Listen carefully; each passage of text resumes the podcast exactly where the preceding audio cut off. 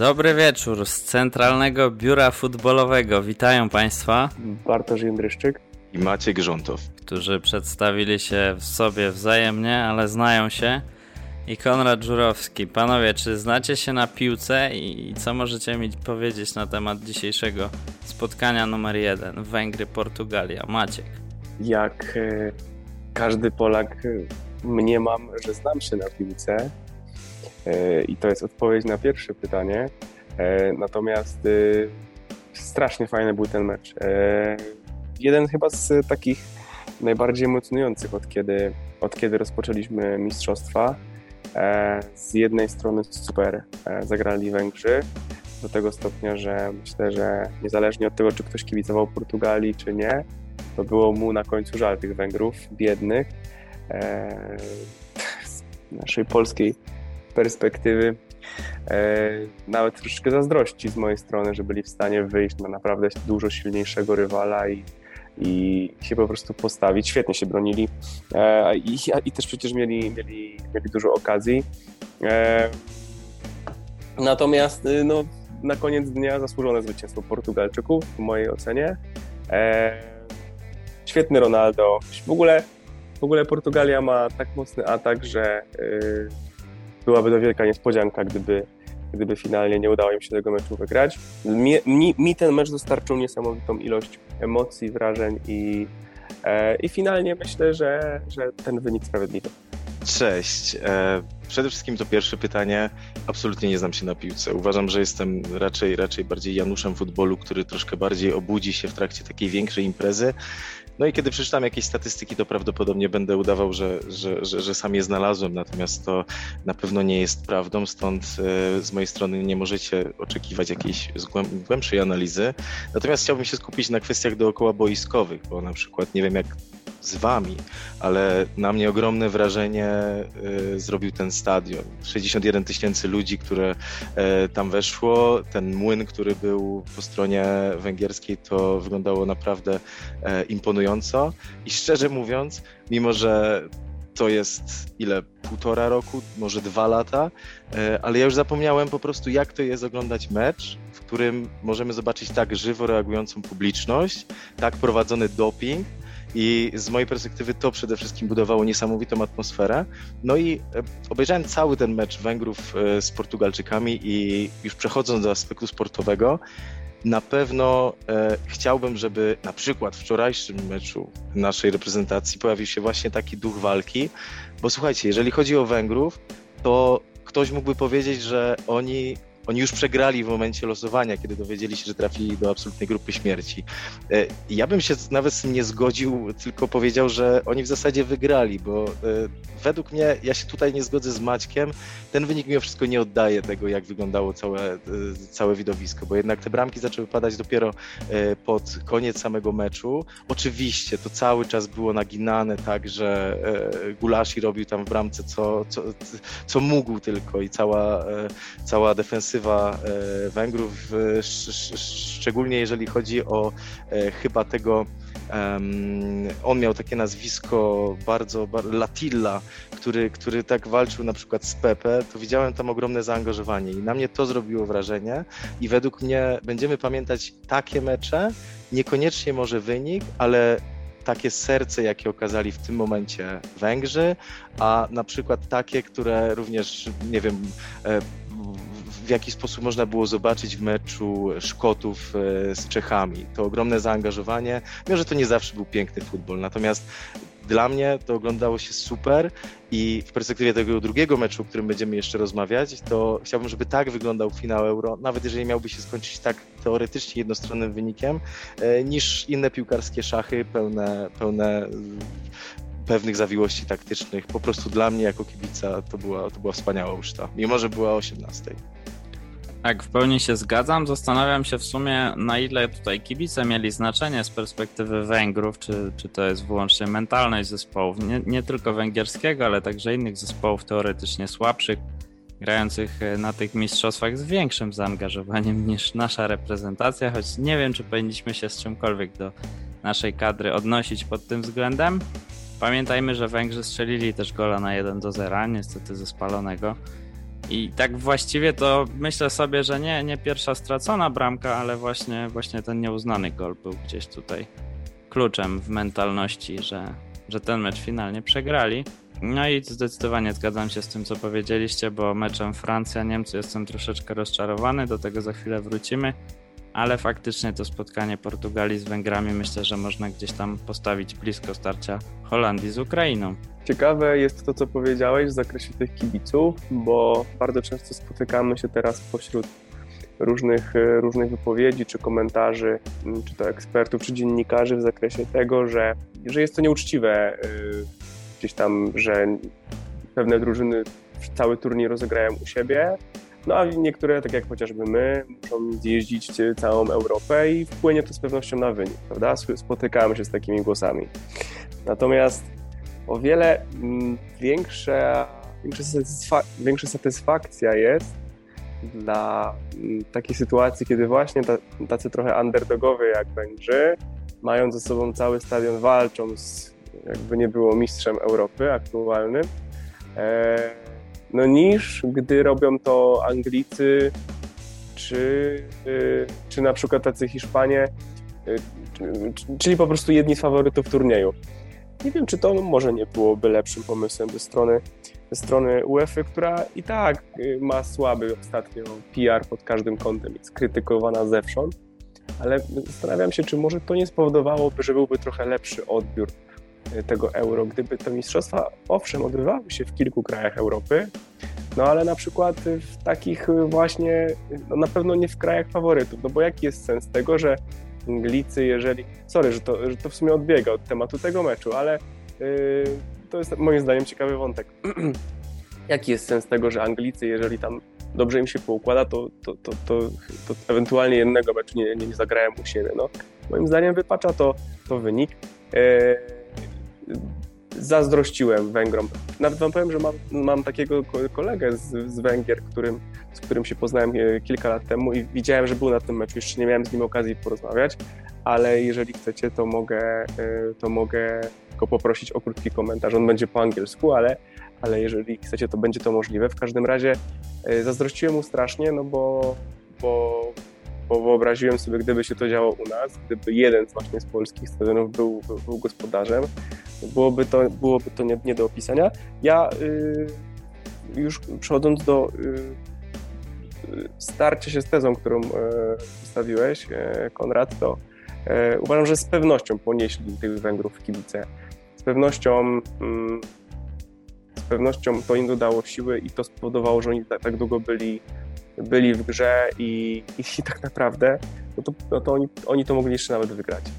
Także y, rzeczywiście, rzeczywiście zgadzam się, że ten aspekt był, ten aspekt dodawał, dodawał y, walorów y, temu meczowi, bo, bo poza aspektem sportowym, który był na bardzo wysokim poziomie, ten aspekt kibicowski no, trochę nam pozwolił wrócić do czasów, do dobrych czasów, pięknych czasów sprzed COVID-a. E, no nie, naprawdę, naprawdę wspaniałe emocje dzisiaj przed, przed telewizorem. W pełni się zgadzam z tym, co Maciek powiedział, jeżeli chodzi o w ogóle kwestię wskazania takich gospodarzy, bo y, to nie pojawiało się oficjalnie jako, jako, nie wiem, hasło mistrzostw, ale w momencie, kiedy padała e, ta decyzja o tym, że w końcu pojawi się euro, które, no właśnie, nie będzie miało gospodarza i teoretycznie z, z perspektywy czasu to zupełnie nie zdało egzaminu, bo rzeczywiście idea była bardzo ciekawa, y, żeby wyobrazić sobie turniej, w którym będziemy, będziemy jeździć i zawsze to będzie teren neutralny. Według mnie zupełnie to nie zadziałało, biorąc pod uwagę Hiszpanię, biorąc pod uwagę y, Anglię, Natomiast chyba ci Niemcy rzeczywiście, do, przepraszam, y, Węgrzy dodali dużo, dużo smaczku, bo chciałem jeszcze zwrócić uwagę tylko znowu troszkę w perspektywie tego drugiego meczu, o którym byśmy dzisiaj porozmawiali, ale jaka była różnica właśnie na Węgrzech, a w perspektywie stadionu w Monachium? Przecież Niemcy też grali u siebie, chociaż tego już tak bardzo nie, y, nie, nie dało się czuć. No i być może to jest jakiś taki półśrodek, gdzie tych kibiców jest w miarę porówno. E, oczywiście to wynikało z ograniczeń, natomiast e, no, według mnie efekt jest taki, że mamy kilku gospodarzy mistrzostw, a e, w efekcie reszta lata, tak jak niektóre reprezentacje 5000 km pomiędzy różnymi stadionami, gdzie nigdy nie będą mieli wielu swoich kibiców. No tak, pytanie, czy by tego troszeczkę tak nie ukręcić i nie zakazać rozgrywania meczów u siebie, nazwijmy to gospodarzom, bo gdyby na przykład mecze Hiszpanów rozgrywać w Portugalii, mecze Walijczyków powiedzmy na terenie Anglii, w Londynie przykładowo, mm, no i zrobić takie przejście jak w siatkówce, tak? Patrzycie na mapę, nikt nie gra de facto u siebie, ale geograficznie to też nie jest jakieś takie totalnie rozciągnięte, jak chociażby podróże naszej reprezentacji, bodajże 8800 km. Sankt Petersburg, Sevilla, Sankt Petersburg. Chyba, chyba za dużo mamy, słuchajcie, takiego, takiego serca do futbolu, a zapominamy, że jednak najważniejsze w tym wypadku są chyba fundusze, które decydują o tym e, tak naprawdę, gdzie to zostanie rozegrane i dlaczego tak to wygląda. No cóż, zobaczymy. To już zostawiamy UEFA, która dziś podobno zaakceptowała rejestrację zespołów do przyszłorocznej Ligi Mistrzów, do której to miała tych zespołów nie dopuszczać. Ja ze swojej strony na koniec dorzucam nutę poezji. Portugalczyk, Węgier, dwaj rywale, choćbyś na piłce nie znał się wcale, to wiesz kto tu karty rozdaje dziś, lecz czy mistrzem pozostanie ów mistrz? A teraz pora na niezwykle merytorycznego eksperta z Ekwadoru. Panie Bartoszu, jak pan to widział? No buenos días, buenos días, buenos días. Dzień dobry, witamy prosto z Ekwadoru. Tutaj nasza kolejna część, wysłannik specjalny. Utknąłem gdzieś daleko, dlatego nie widziałem meczów, ale znam ich wyniki. Powiem Wam, że zaczniemy od meczu Francja kontra Alemania, czyli Niemcy przeciwko e, Francji. Alemania to Niemcy po hiszpańsku. Jeżeli chcesz się uczyć hiszpańskiego, zapraszam do kontaktu prywatnego. Ale wróćmy teraz do meczu. No więc jak? No więc jak się pytam? Jak mogła Francja wygrać tak łatwo z Niemcami 1 do 0? Ale najpierw skomentujmy mecz Portugal kontra Hungria. Hungria, czyli Węgry. Tak jak powiedziałem, nie mam pojęcia aktualnie co się dzieje za bardzo w Portugalii i na Węgrzech. Ja w ogóle jestem tu odcięty od świata i nie mam pojęcia, nawet meczów nie, nie obejrzałem żadnego meczu jeszcze oprócz meczu Polski oczywiście, naszej ukochanej Polski. E, I dlatego mecz Węgier patrzę sobie tylko na wynik i kto tam gra. I zaskoczyło mnie, że jest tam były zawodnik Lecha Poznań, George Loverenc, jakoś tak się nazywa. Y, Nagi. Myślałem, że to jest ten Nagi z Legii, ale to jest jakiś Adam, może brat, nie wiem. W każdym razie no Węgry bez niespodzianki. Gładko 0-3 z aktualnymi mistrzami Europy, którzy y, rządzą najdłużej w historii, ponieważ rządzą już 5 lat. I to jest zawsze jakiś y, plus tej pandemii. E, no i w drugiej drużynie oczywiście Cristiano, wielki Cristiano, bez żadnych wątpliwości, dwie brameczki wpakowane. Ja mogę jak zobaczyłem, że Pepe jeszcze gra w piłkę, to, to to jest niesamowite i gra, i gra w tym Porto. Nie wiem, czy pamiętacie. Poza tym Roy Patricia ze Sportingu, nie wiem, jego ba tego kojarzymy. E, wynik jak najbardziej zasłużony, moim zdaniem, niestety, no szkoda tej, tych Węgier. No ale, ale, tu jest jeszcze druga, druga opcja. E, druga opcją był mecz e, właśnie Francja-Niemcy, danie wieczoru. E, zauważyłem, że nie gra już Kloze, nie gra już Podolski niestety. W bramce ani Oliver Kahn. No tylko starzy znajomi z, głównie z Bayernu. No, mamy tutaj Thomas Müller, widziałem e, na boisku Krosza, widziałem Gnabry, Gundongan, te nazwiska takie typowo niemieckie. Przepraszam, właśnie wyprzedziło mnie, wyprzedził mnie samochód typu Peugeot e, biały, jak w taksi 500 406, jak w taksi, pamiętacie, takie biała, tak, taksówka śmigała i właśnie mnie wyprzedziła. Wracając do Niemiec, Niemcy, wspaniały mecz, e, ale niestety przegrany. E, żadnych znajomości tutaj większych nie widziałem. Wszyscy teraz e, są podjarani Mbappé i Benzemą, w związku z tym myślę, że Francja jest teraz bardziej modna. A to jeszcze tak niedawno nie było tak, bo to była era Zidana, e, era Dziugarrego, Deschamps.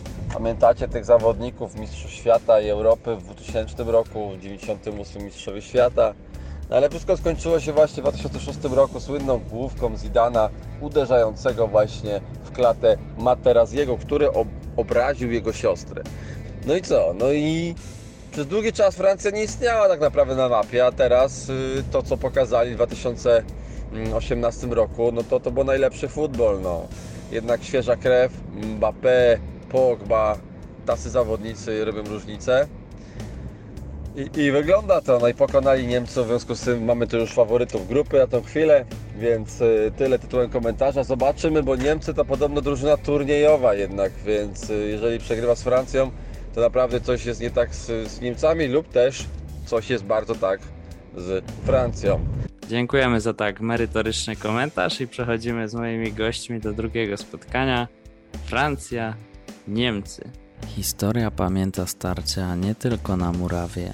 Teraźniejsza jest jednak walka na Allianz Arena. I choć zazwyczaj za piłką biegają dwie drużyny, znanemu mitowi przeczy sama ekipa lewa. Czyżby rozczarowanie, panie Bartku? Myślę, że mimo wszystko zaskoczenie, bo kiedy patrzę na takie, mm, na takie mecze, to szczególnie kiedy przepraszam, zestawienie w takich meczach, to szczególnie jeżeli mają one miejsce na jakichś wczesnych etapach e, większych turniejów, to zawsze pojawi się powiedzenie, że to jest przedwczesny finał, to już jest finał w fazie grupowej. E, no to jeżeli to jest finał tej imprezy, to ja jej nie chcę już oglądać. W sensie, e, wiecie, to zazwyczaj niestety w tym, w tym, w tym, w tym futbolu, który, który, który znamy w ciągu, nie wiem, ostatnich pięciu lat, to bardzo często zmierza do, trochę do szachów. No i w momencie, kiedy ja widzę Francję i Niemcy, obawiam się zawsze, że będzie, będzie ciężko, będzie e, na pewno dużo siły, dużo taktyki, ale zawsze mam takie, takie przeświadczenie, trochę jak z zabieraniem dziewczyny do restauracji. Kiedy patrzysz i masz do wyboru kuchnię francuską i niemiecką, to w pewnym momencie jednak uznasz, że chyba, chyba te dania francuskie będą zawierały troszkę więcej polotu i e, będą lepszą okazją na, e, na wybranie się razem wieczorem. E, I tu masz taką tłustą golonkę, sauerkraut. Przepraszam, nie wiem jak to się wymawia. No i muszę powiedzieć, że tutaj troszkę te role się według mnie całkowitego lejka odwróciły. To znaczy e, Niemcy, gdzie mamy takiego Kimisia, który niesamowicie goni po skrzydłach i dodaje temu troszkę lekkości, czy Millera, którego, którego chyba, chyba, chyba znamy z takiego zmysłu jednak rozgrywającego, takiego cichego bohatera, e, wywarł na mnie o wiele lepsze wrażenie niż e, Francja, która zaskoczyła super defensywą, to znaczy zaskoczyła, to są niesamowici piłkarze, najlepsi aktualnie według mnie na świecie. Natomiast to, z jaką konsekwencją oni to robili, e, powiedziałbym, gdy, gdy, gdyby zamienić koszulki, to uznałbym, że to jednak Niemcy, e, a zrywali się tymi nagłymi, nagłymi kontrami, które w zasadzie powinny doprowadzić do, do 3-0 przy wykorzystaniu najszybszego na boisku Mbappé. Także ja nie byłem zawiedziony końcówką, natomiast rzeczywiście być może dla większego konesera e, było pierwsze 65 minut tego meczu. Maciek, czy ty byłeś tym koneserem? Ja byłem koneserem. Powiem wam, że dla mnie ten mecz to był taki troszeczkę symbol tego, co się działo w Lidze Mistrzów w tym sezonie. Zobaczcie sobie, jak popatrzymy na składy, mam wrażenie, że to jest, e, to, to mógł być e, jedyny tak, no nie jedyny, ale to mógł być mecz w kontekście całych mistrzostw, w którym w pierwszym składzie zagrało najwięcej uczestników półfinałów czy, czy, czy, czy Ligi Mistrzów. No bo zobaczcie sobie na składy, to są, wszyscy, są w zasadzie wszyscy, wszystko piłkarze, w zasadzie no może poza, poza Lorisem, którzy, yy, którzy yy, zaszli bardzo wysoko w Lidze Mistrzów i dlaczego w ogóle o tym wspominam? E, wiemy, jaka ta Liga Mistrzów była e, tegoroczna, zmęczeni piłkarze. Mimo to, że próba powrotu do normalności to wciąż dość nietypowy sezon i, i upakowanie tego wszystkiego. Ja y, odczuwałem przyjemność oglądania tego meczu, bo widziałem, że to jest mecz na bardzo wysokim poziomie.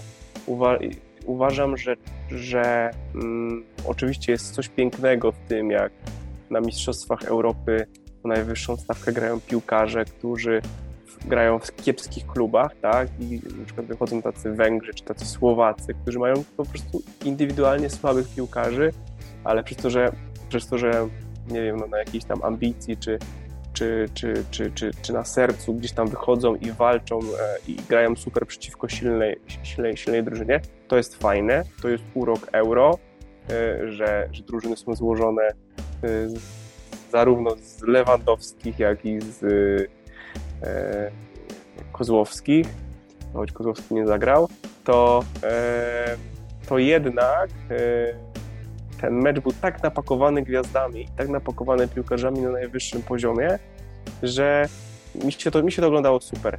E, I to jest pierwszy aspekt. E, nie zaskoczyło mnie to, że e, to Francja była wyrachowana, a Niemcy byli, byli z polotem.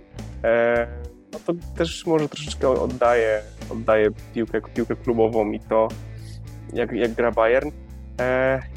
Dla mnie wydarzeniem tego meczu jest powrót Benzemy.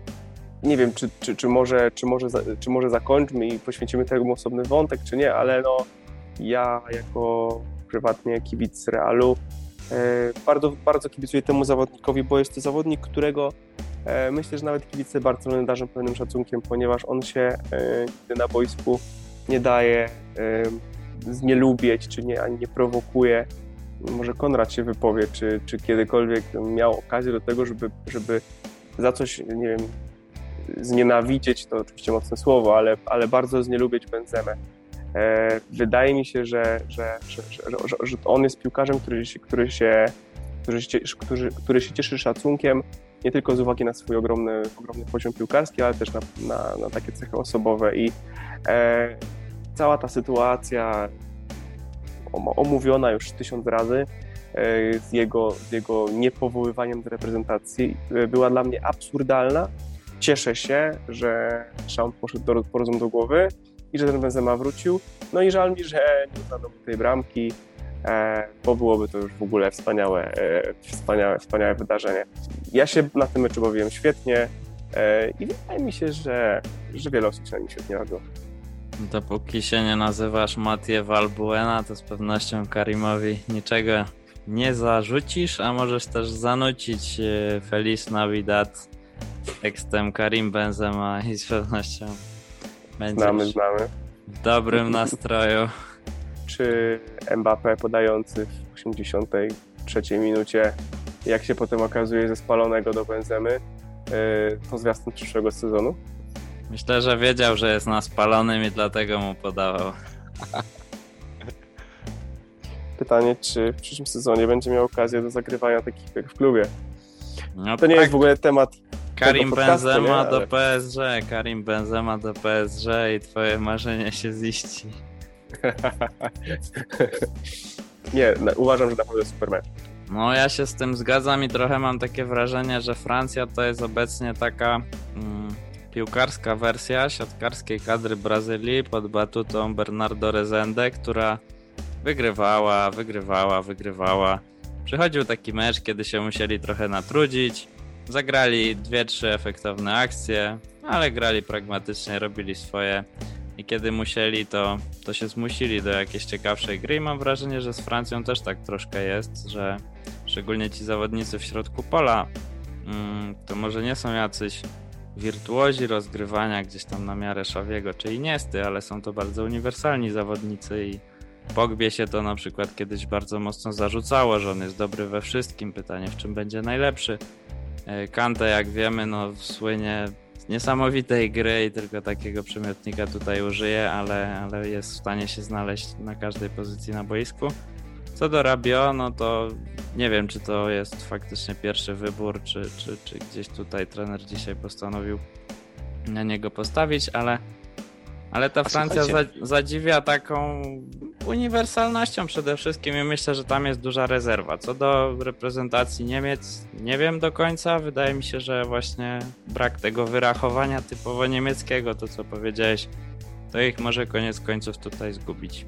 A wracając do Pogby, chciałem Was zapytać, jakie są Wasze odczucia, bo e, ja po prostu kojarzę go jako tego piłkarza, który jako jeden z kolejnych miał być takim, takim człowiekiem, który zagra na każdym miejscu boiska i oprócz wyszkolenia technicznego imponuje możliwościami fizycznymi, co na pewno w takim starciu z, z Niemcami było, e, było wymagane. No i co ja dostrzegłem, być może patrzyłem strasznie stronniczo właśnie, mając gdzieś tam z tyłu e, te czasy, kiedy on, swe, on w pewnym momencie był najdroższym piłkarzem świata, o ile pamiętam, e, no i prawdopodobnie właśnie kolejnym zdobywcą złotej, pił, złotej piłki. No i czy, czy nie mieliście wrażenia, że, że, że akurat z całego tego mechanizmu francuskiego akurat Pogba wypadał tak troszkę słabiej pod, pod względem tego, czego się oczekuje od tych jego zdolności fizycznych i od starcia z rzeczywiście bardzo wysoko,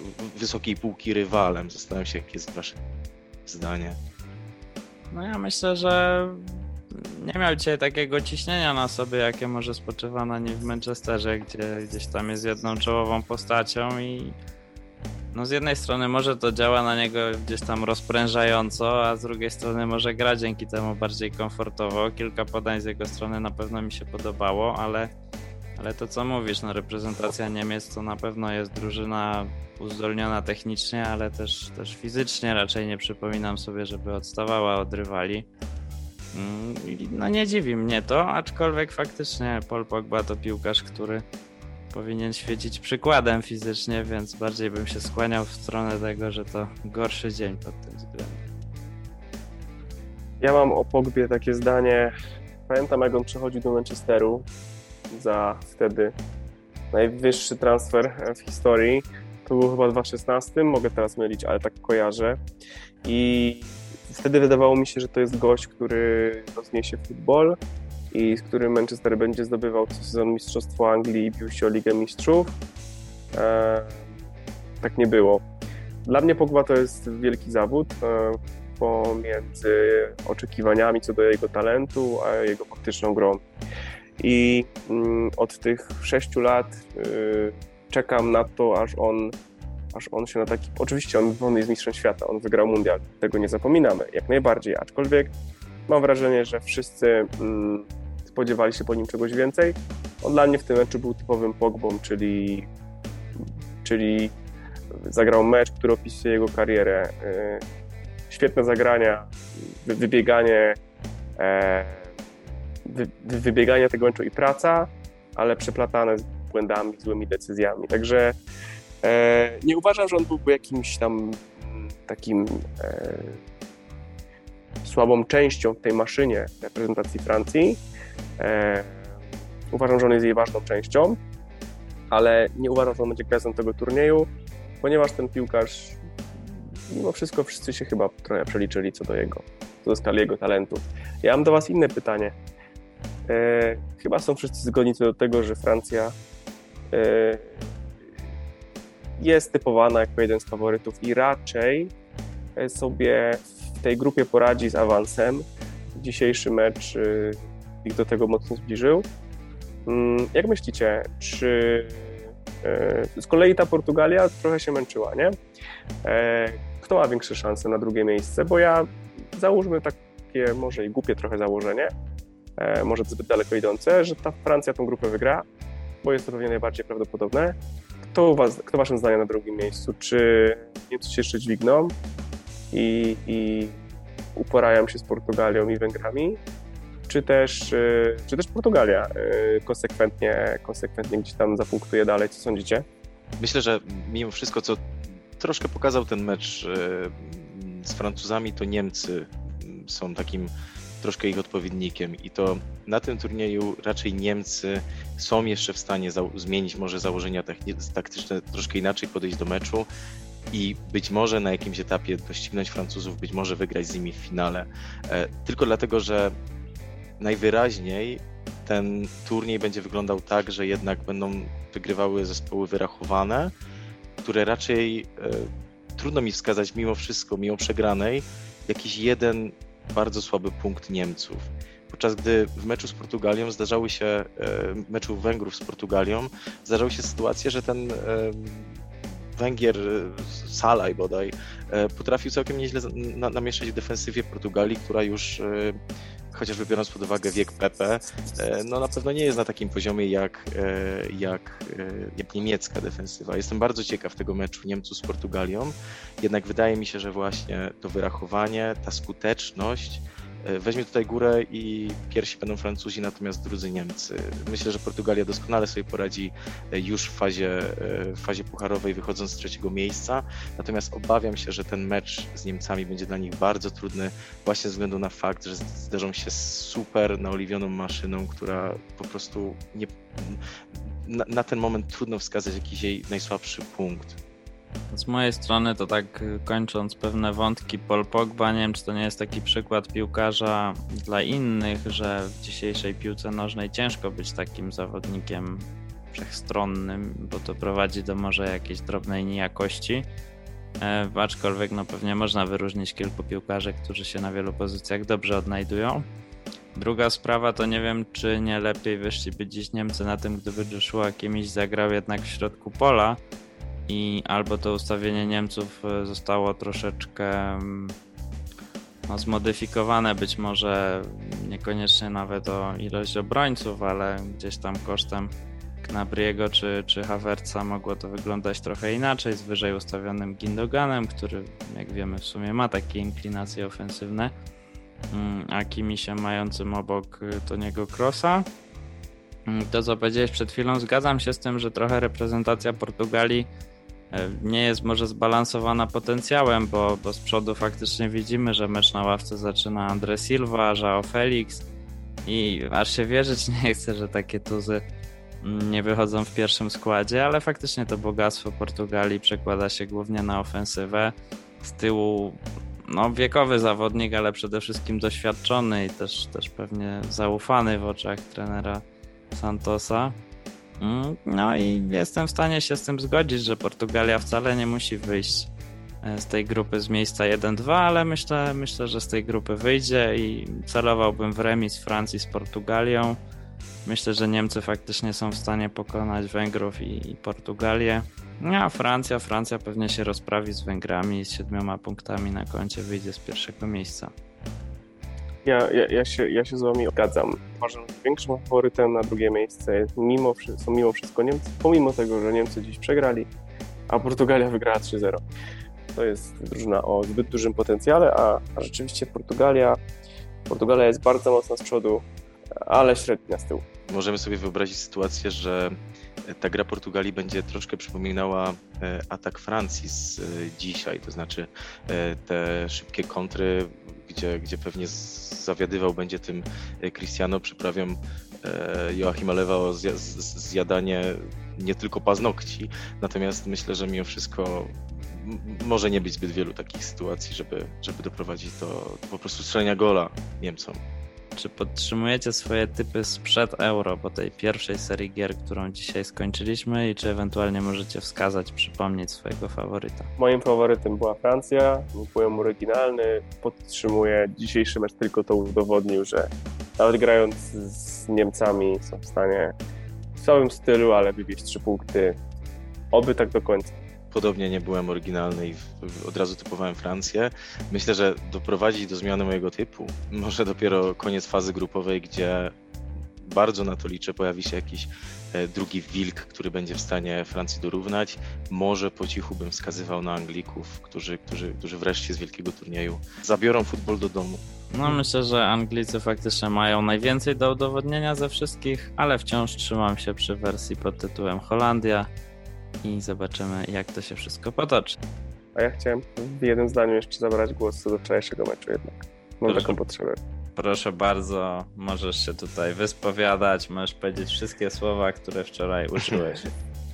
Eee, wiecie co? Mm, taki monolog Matiego Borka. Mm, jestem kibicem reprezentacji Polski i interesuję się piłką reprezentacyjną, oglądam Mavenów, którzy co tydzień się spotykają, angażują godzinę z mojego czasu e, w ciągu dnia. E, słucham ich predykcji, kto zagra w tym euro, kto w pierwszym składzie. Śledzę tych Polaków w ligach, w swoich klubach, w ligach zagranicznych. Włączam sobie Milika w, Marsylii, włączam sobie Piątka w, Hercie Berlin i gdzieś tam kibicuję im nie tylko dlatego, że są Polakami, ale też dlatego, że wiem, że im lepiej będą grali, tym większa szansa, że y, może na, na, na wielkim turnieju, który nadchodzi, y, się, mają większe szanse, żeby się pokazać z dobrej strony, żeby nam wszystkim przynieść radość. E, i, I po prostu przegadane tysiąc razy to, w jakim składzie wyjdziemy, przegadane to, jak my musimy ten pierwszy mecz wygrać. Yy, nie chcę mówić, że balonik napompowany, bo balonik nie był napompowany wcale, bo dziennikarze tym razem, w przeciwieństwie do poprzednich turniejów, jakoś tak z rozsądkiem tego podeszli. Natomiast yy, ja, mimo tego, że jestem gdzieś na lotnisku i mam zaraz, zaraz odlot, to włączam sobie na komputerze mecz, bo nie wyobrażam sobie tego meczu nie oglądać i, i, i czekam na, ten, na, na tą chwilę od, od, od roku i, yy, i, jestem z nimi, jestem z nimi, wspieram ich i oni, oni po prostu przynoszą wstyd. Kolejny raz i przynoszą zawód i wiadomo, że każdy chciałby kibicować drużynie, która wygrywa i nikt przegrywać nie lubi i, i poznaje się prawdziwego kibica po tym, jak nosi porażki, ale, ale mm, jest mi po prostu wstyd, że znowu zostałem oszukany, że znowu zostałem yy, że znowu, zostałem, że znowu w nich uwierzyłem, a, ja, już, ja, już, ja już nawet nie jestem w stanie diagnozować, kto tam nie gra, czy to jest kwestia jakiś, jakiegoś fatum, czy to jest kwestia trenera, piłkarzy. Ja, ja nie wiem, ja po prostu straciłem wiarę i, i, i naprawdę po raz kolejny było mi wstyd i przykro, że muszę, że muszę przeżywać takie skrajnie negatywne emocje i, e, i, i e, myślę, że, że, że, wielu ludzi to, wielu Polaków to wczoraj przeżyło. Szkoda, bo sport to chyba że ostatnia rzecz, która nas może zjednoczyć, a nawet, nawet to nie udało. Wiem, że negatywne tak, takie zakończenie i zmierzające może w kierunku, ale po prostu jestem, jestem maksymalnie zawiedziony. Jestem maksymalnie zawiedziony wczorajszym, wczorajszym meczem i, i szkoda, że tak wyszło. Chciałem, chciałem to powiedzieć piękne, Maciek, ale pamiętaj, no, my mamy jakiś taki syndrom i pewnie niedługo zapomnimy i znowu wrócimy do tego, do tego kibicowania i myślę, że to mimo wszystko nauczyliśmy się już tyle w ciągu chociażby ostatnich y, turniejów, y, y, już nie mówiąc o, o meczach eliminacyjnych, że to znowu nas jednoczy. Mamy krótką pamięć jako kibice reprezentacji. Niech tak będzie i, i, i liczmy na to. Oczywiście, że w sobotę wszyscy będziemy znowu kibicować, ale ale równocześnie wiemy, że najbardziej zjednoczyłby nas dobry wynik na tych mistrzostwach i zajście gdzieś tam do ćwierćfinału. To się znacząco oddaliło, nie? No ja myślę, że warto w takim razie wobec tej pamięci krótkotrwałej kibica przypomnieć mecz z Kolumbią i niestety obawiam się, że będzie taka jeden do jeden powtórka z rozrywki. No może ewentualnie jakiś Pedro Pauleta wczoraj tutaj przez nas przytoczony. No, zastanawialiśmy się też nad tym, czy, czy może Polska nie powinna spróbować tam piątką obrońców, ale może to prowadzić do tego, że jeden na drugiego będzie spoglądać w obronie z pretensjami. Stary, co ty tu zagrałeś? Przykro mi, że naprawdę nie wiem, nie mam totalnie pomysłu na to, co może zagrać faktycznie reprezentacja Polski. I ja nie jestem w teamie anty-Souza. Uważam, że został posadzony na nieokrzesanego konia i po prostu no, jest, jest tylko jakimś tutaj czubkiem góry lodowej, a niestety u jej podnóża jest to wszystko, na czym powinniśmy się skupić po tych mistrzostwach, czyli faktycznie sobie przeanalizować, jak to jest, że przy blisko 40-milionowym narodzie mm, mówi się o tych wielu młodych talentach i tak dalej, zachwyca się tym, w jakich klubach grają nasi piłkarze, tylko że to jest tak naprawdę codzienność i w wielu różnych reprezentacjach, może pomijając tutaj tych na papierze największych outsiderów, to każda z tych reprezentacji ma takich zawodników, którzy grają w dobrych klubach i z naciskiem nagrają, bo niestety nasi reprezentanci niekoniecznie to spełniają. Aczkolwiek, no powiedzmy, że tutaj akurat y, grali głównie zawodnicy, którzy jednak są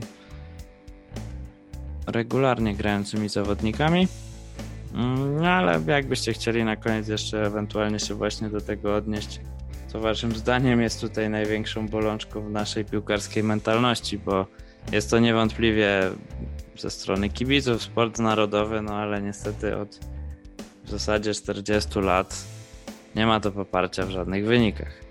Myślę, jeżeli mogę kolejną laicką diagnozę wskazać, nie wiem czy się zgodzicie, to chyba fakt, że e, o ile piłkarze trafiają nam się pewnym momencie na bardzo wysokim poziomie, a w pewnym momencie mamy też najlepszego piłkarza na świecie.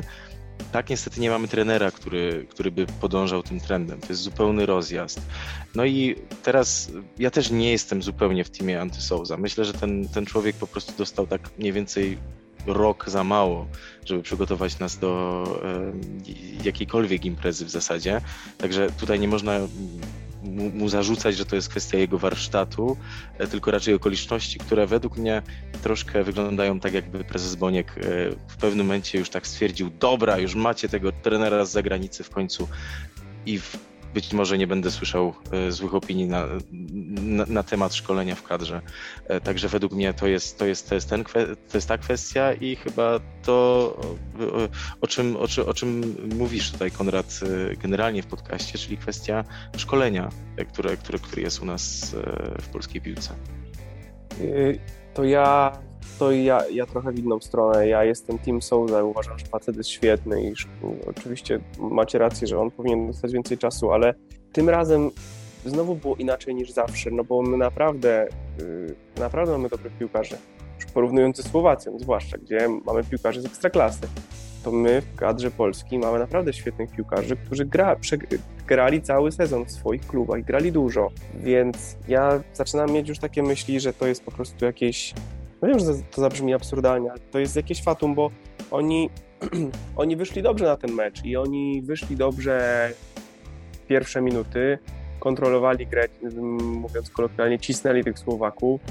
E, nawet tam Zielińskiemu wychodziły jakieś zwody e, i ja miałem wrażenie, że to idzie w dobrym kierunku. Natomiast oczywiście stracili bramkę jakąś, jakąś, jakąś absurdalnie karykaturalną.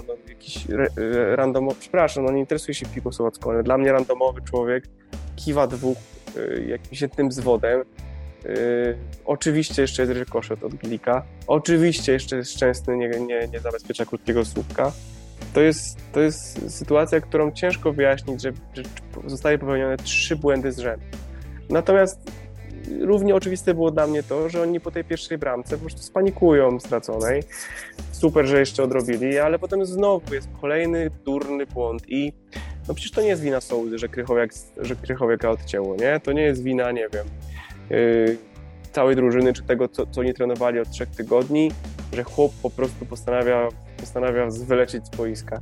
Ja uważam, że my wchodzimy powoli, dochodzimy do, do, do momentu i wchodzimy w sytuację, który się nie da wyjaśnić.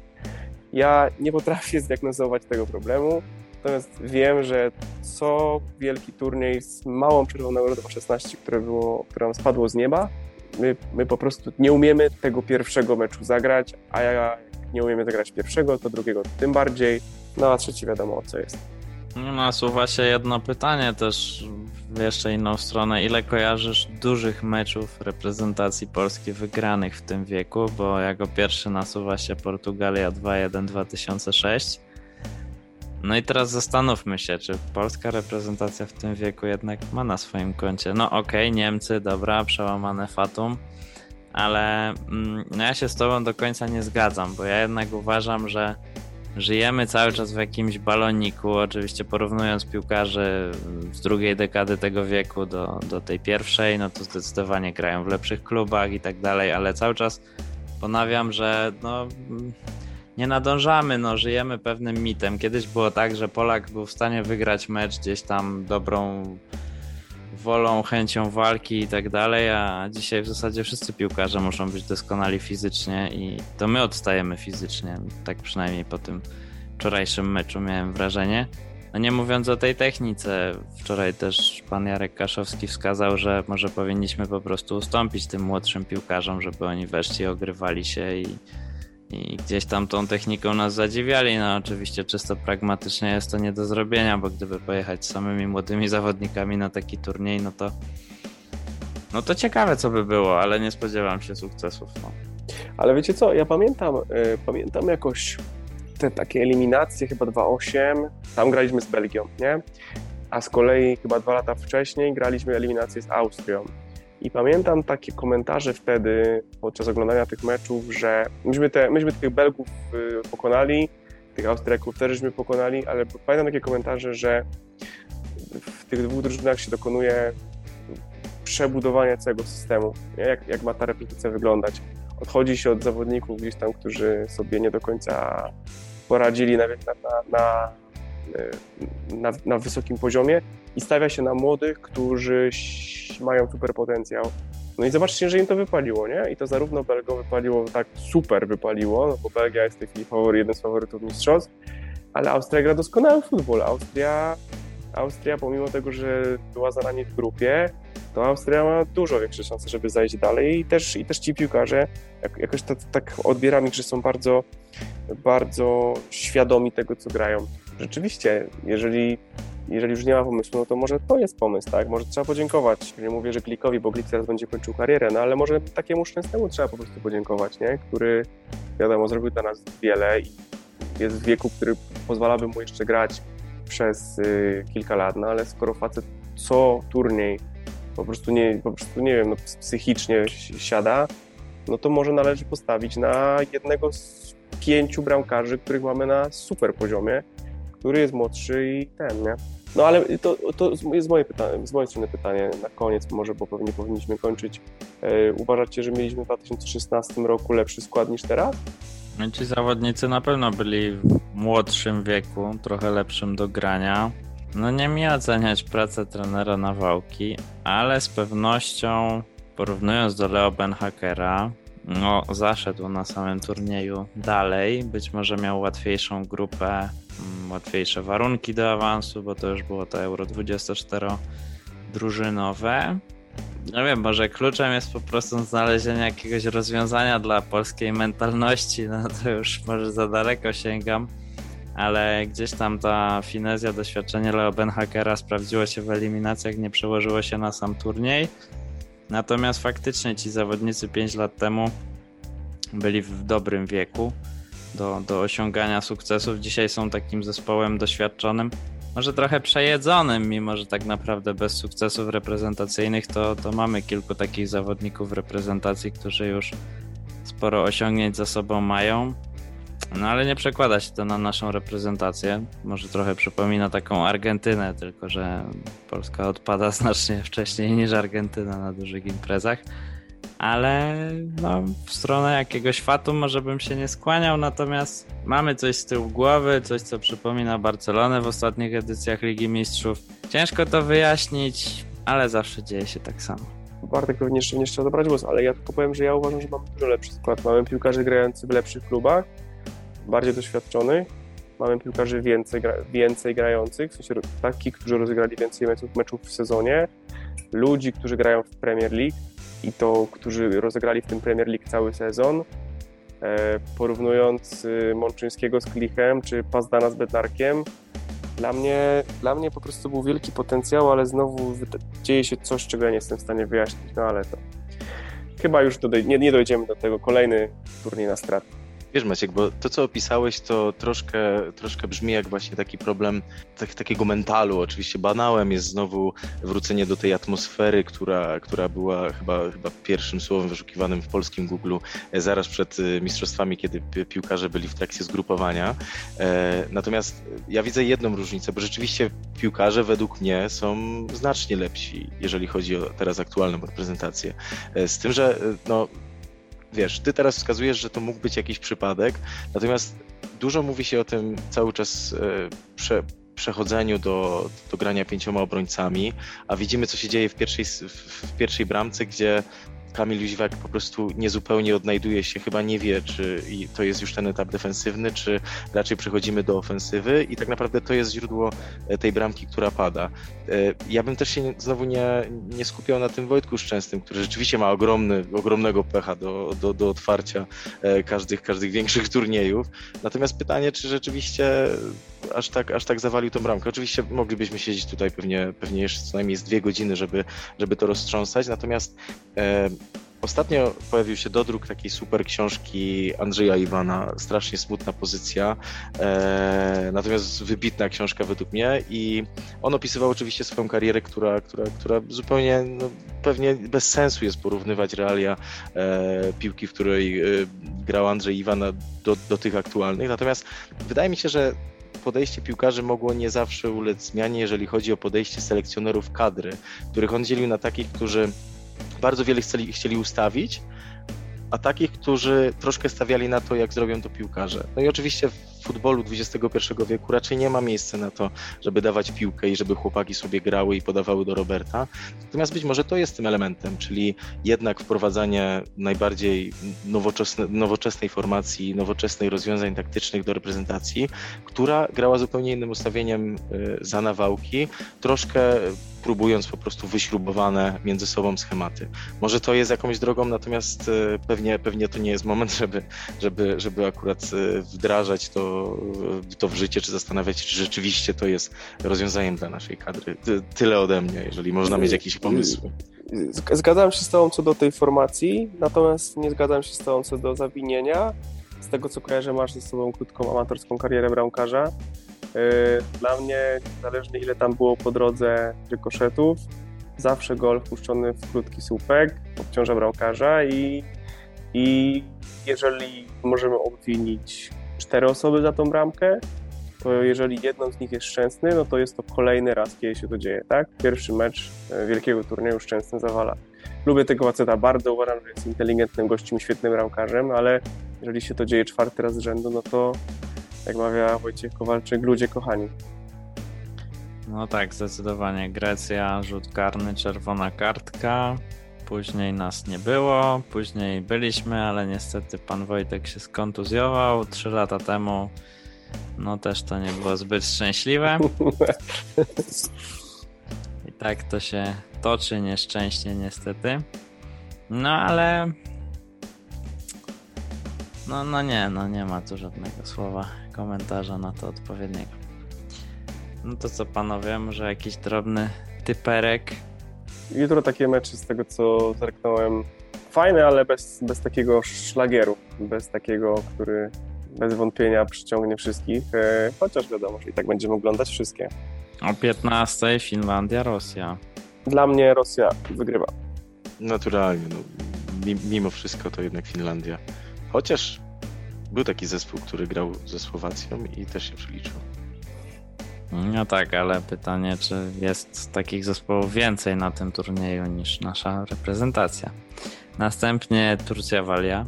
I to może być ciekawe, bo w meczu otwarcia Turcy mi się bardzo podobali, a do pierwszego meczu Walijczyków byłem przekonany, że Walia to, to głównie jeden piłkarz, co okazało się zupełnie nieprawdą, także e, chyba, chyba więcej będzie pozytywnych zaskoczeń niż to jedno e, niemiłe z wczoraj. Myślę, że mimo wszystko Turcy. Ja się zgadzam. Turcja zdecydowanie ma drużynę. Mi się nie podoba jak gra Walia i e, uważam, że to jest jedna z słabszych drużyn tych mistrzostw. Co do Rosja, Finlandia, to się zgadzam, że Rosja, jak chodzi o Turcja, Walia, to myślę, że Turcja ma jednak taki potencjał, którego być może do tej pory nie pokazała, bo faktycznie rewelacyjnie zneutralizowali ich Włosi. No a Włosi ze Szwajcarią na sam koniec i tutaj myślę, że też faworyt dla mnie jest jeden. Zastanawiam się, co ze Szwajcarią w takim razie w perspektywie dalszych gier w tej grupie. No bo ostatni mecz Szwajcaria zagra z Turcją, więc na pewno będzie to bezpośrednie starcie o coś, a przynajmniej prawdopodobnie, no bo gdyby Szwajcaria wygrała z Włochami, no to wtedy odjedzie Turcji, gdyby ta przegrała z Walią. Mm, ale gdzieś tam czuję, że może ta Turcja z Walią jednak zremisować i, i wtedy ta ostatnia kolejka będzie szalona w tej grupie. Dla mnie Turcja skończy tą grupę na drugim miejscu, e, a Szwajcaria na trzecim. Dokładnie tak samo podejrzewam. Zobaczymy, czy dobrze przewidujemy przyszłość. O Polskę z Hiszpanią, no może bym was zapytał, ale was nie zapytam. Zobaczymy, co się wydarzy. Oby to nie była Kolumbia Vol 2. Jeszcze za bardzo jesteśmy zdenerwowani. Dokładnie, jeszcze z nas nie zeszło. Za uwagę, dziękuję Państwu. Maciek Grząto, bardzo mi miło. Bartosz Jądryszczyk, to była przyjemność. Dzięki wielkie. Ja również się cieszę z Waszej obecności. Konrad Żurowski i wszystkim naszym słuchaczom życzymy spokojnej nocy. Dobranoc. Dzięki, cześć. Serdeczne podziękowania dla Macieja Śliża, Wel Ran Solo za skomponowanie muzyki do podcastu, a także Matce Naturze za stworzenie sprawy najważniejszej ze spraw najmniej ważnych, czyli piłki nożnej. Wszystkich zainteresowanych zapraszam także na mój drugi podcast Języki Muzyki w czterech językach, o muzyce i nie tylko. Do usłyszenia.